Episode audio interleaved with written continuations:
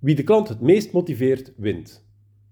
De belangrijkste vraag die u zich als retailer moet stellen is: waarom zou een klant in godsnaam bij ons kopen? Ik weet het, ik druk het uit met een krachtterm, maar dat is om het belang ervan te benadrukken. Wie denkt dat iemand zijn lampen bij u koopt omdat u nu eenmaal lampen verkoopt, of muziekinstrumenten, of fietsen of kleding, elektrische apparaten, enfin, u snapt het wel, vult u zelf maar in wat u verkoopt.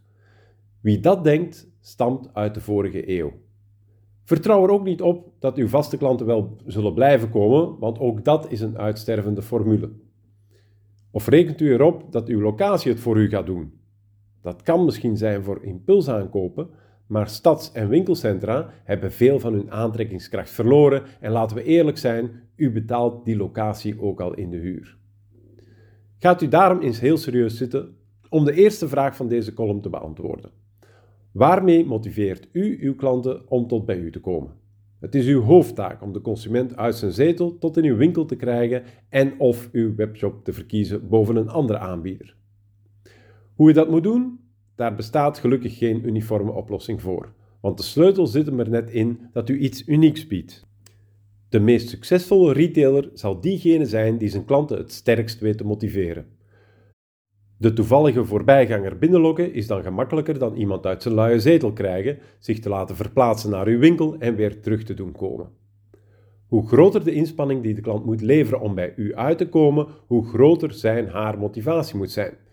U kunt uw succes afmeten aan hoeveel hindernissen klanten bereid zijn om te overwinnen om bij u te kopen.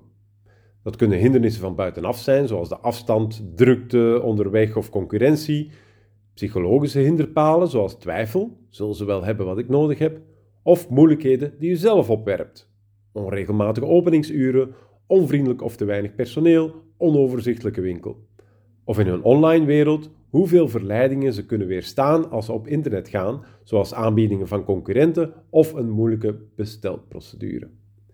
Met een boutade zou je kunnen zeggen: een bakker is pas succesvol als zijn klanten een andere bakker voorbijlopen om bij hem te kopen. Toch enkele tips om u te inspireren bij uw zoektocht.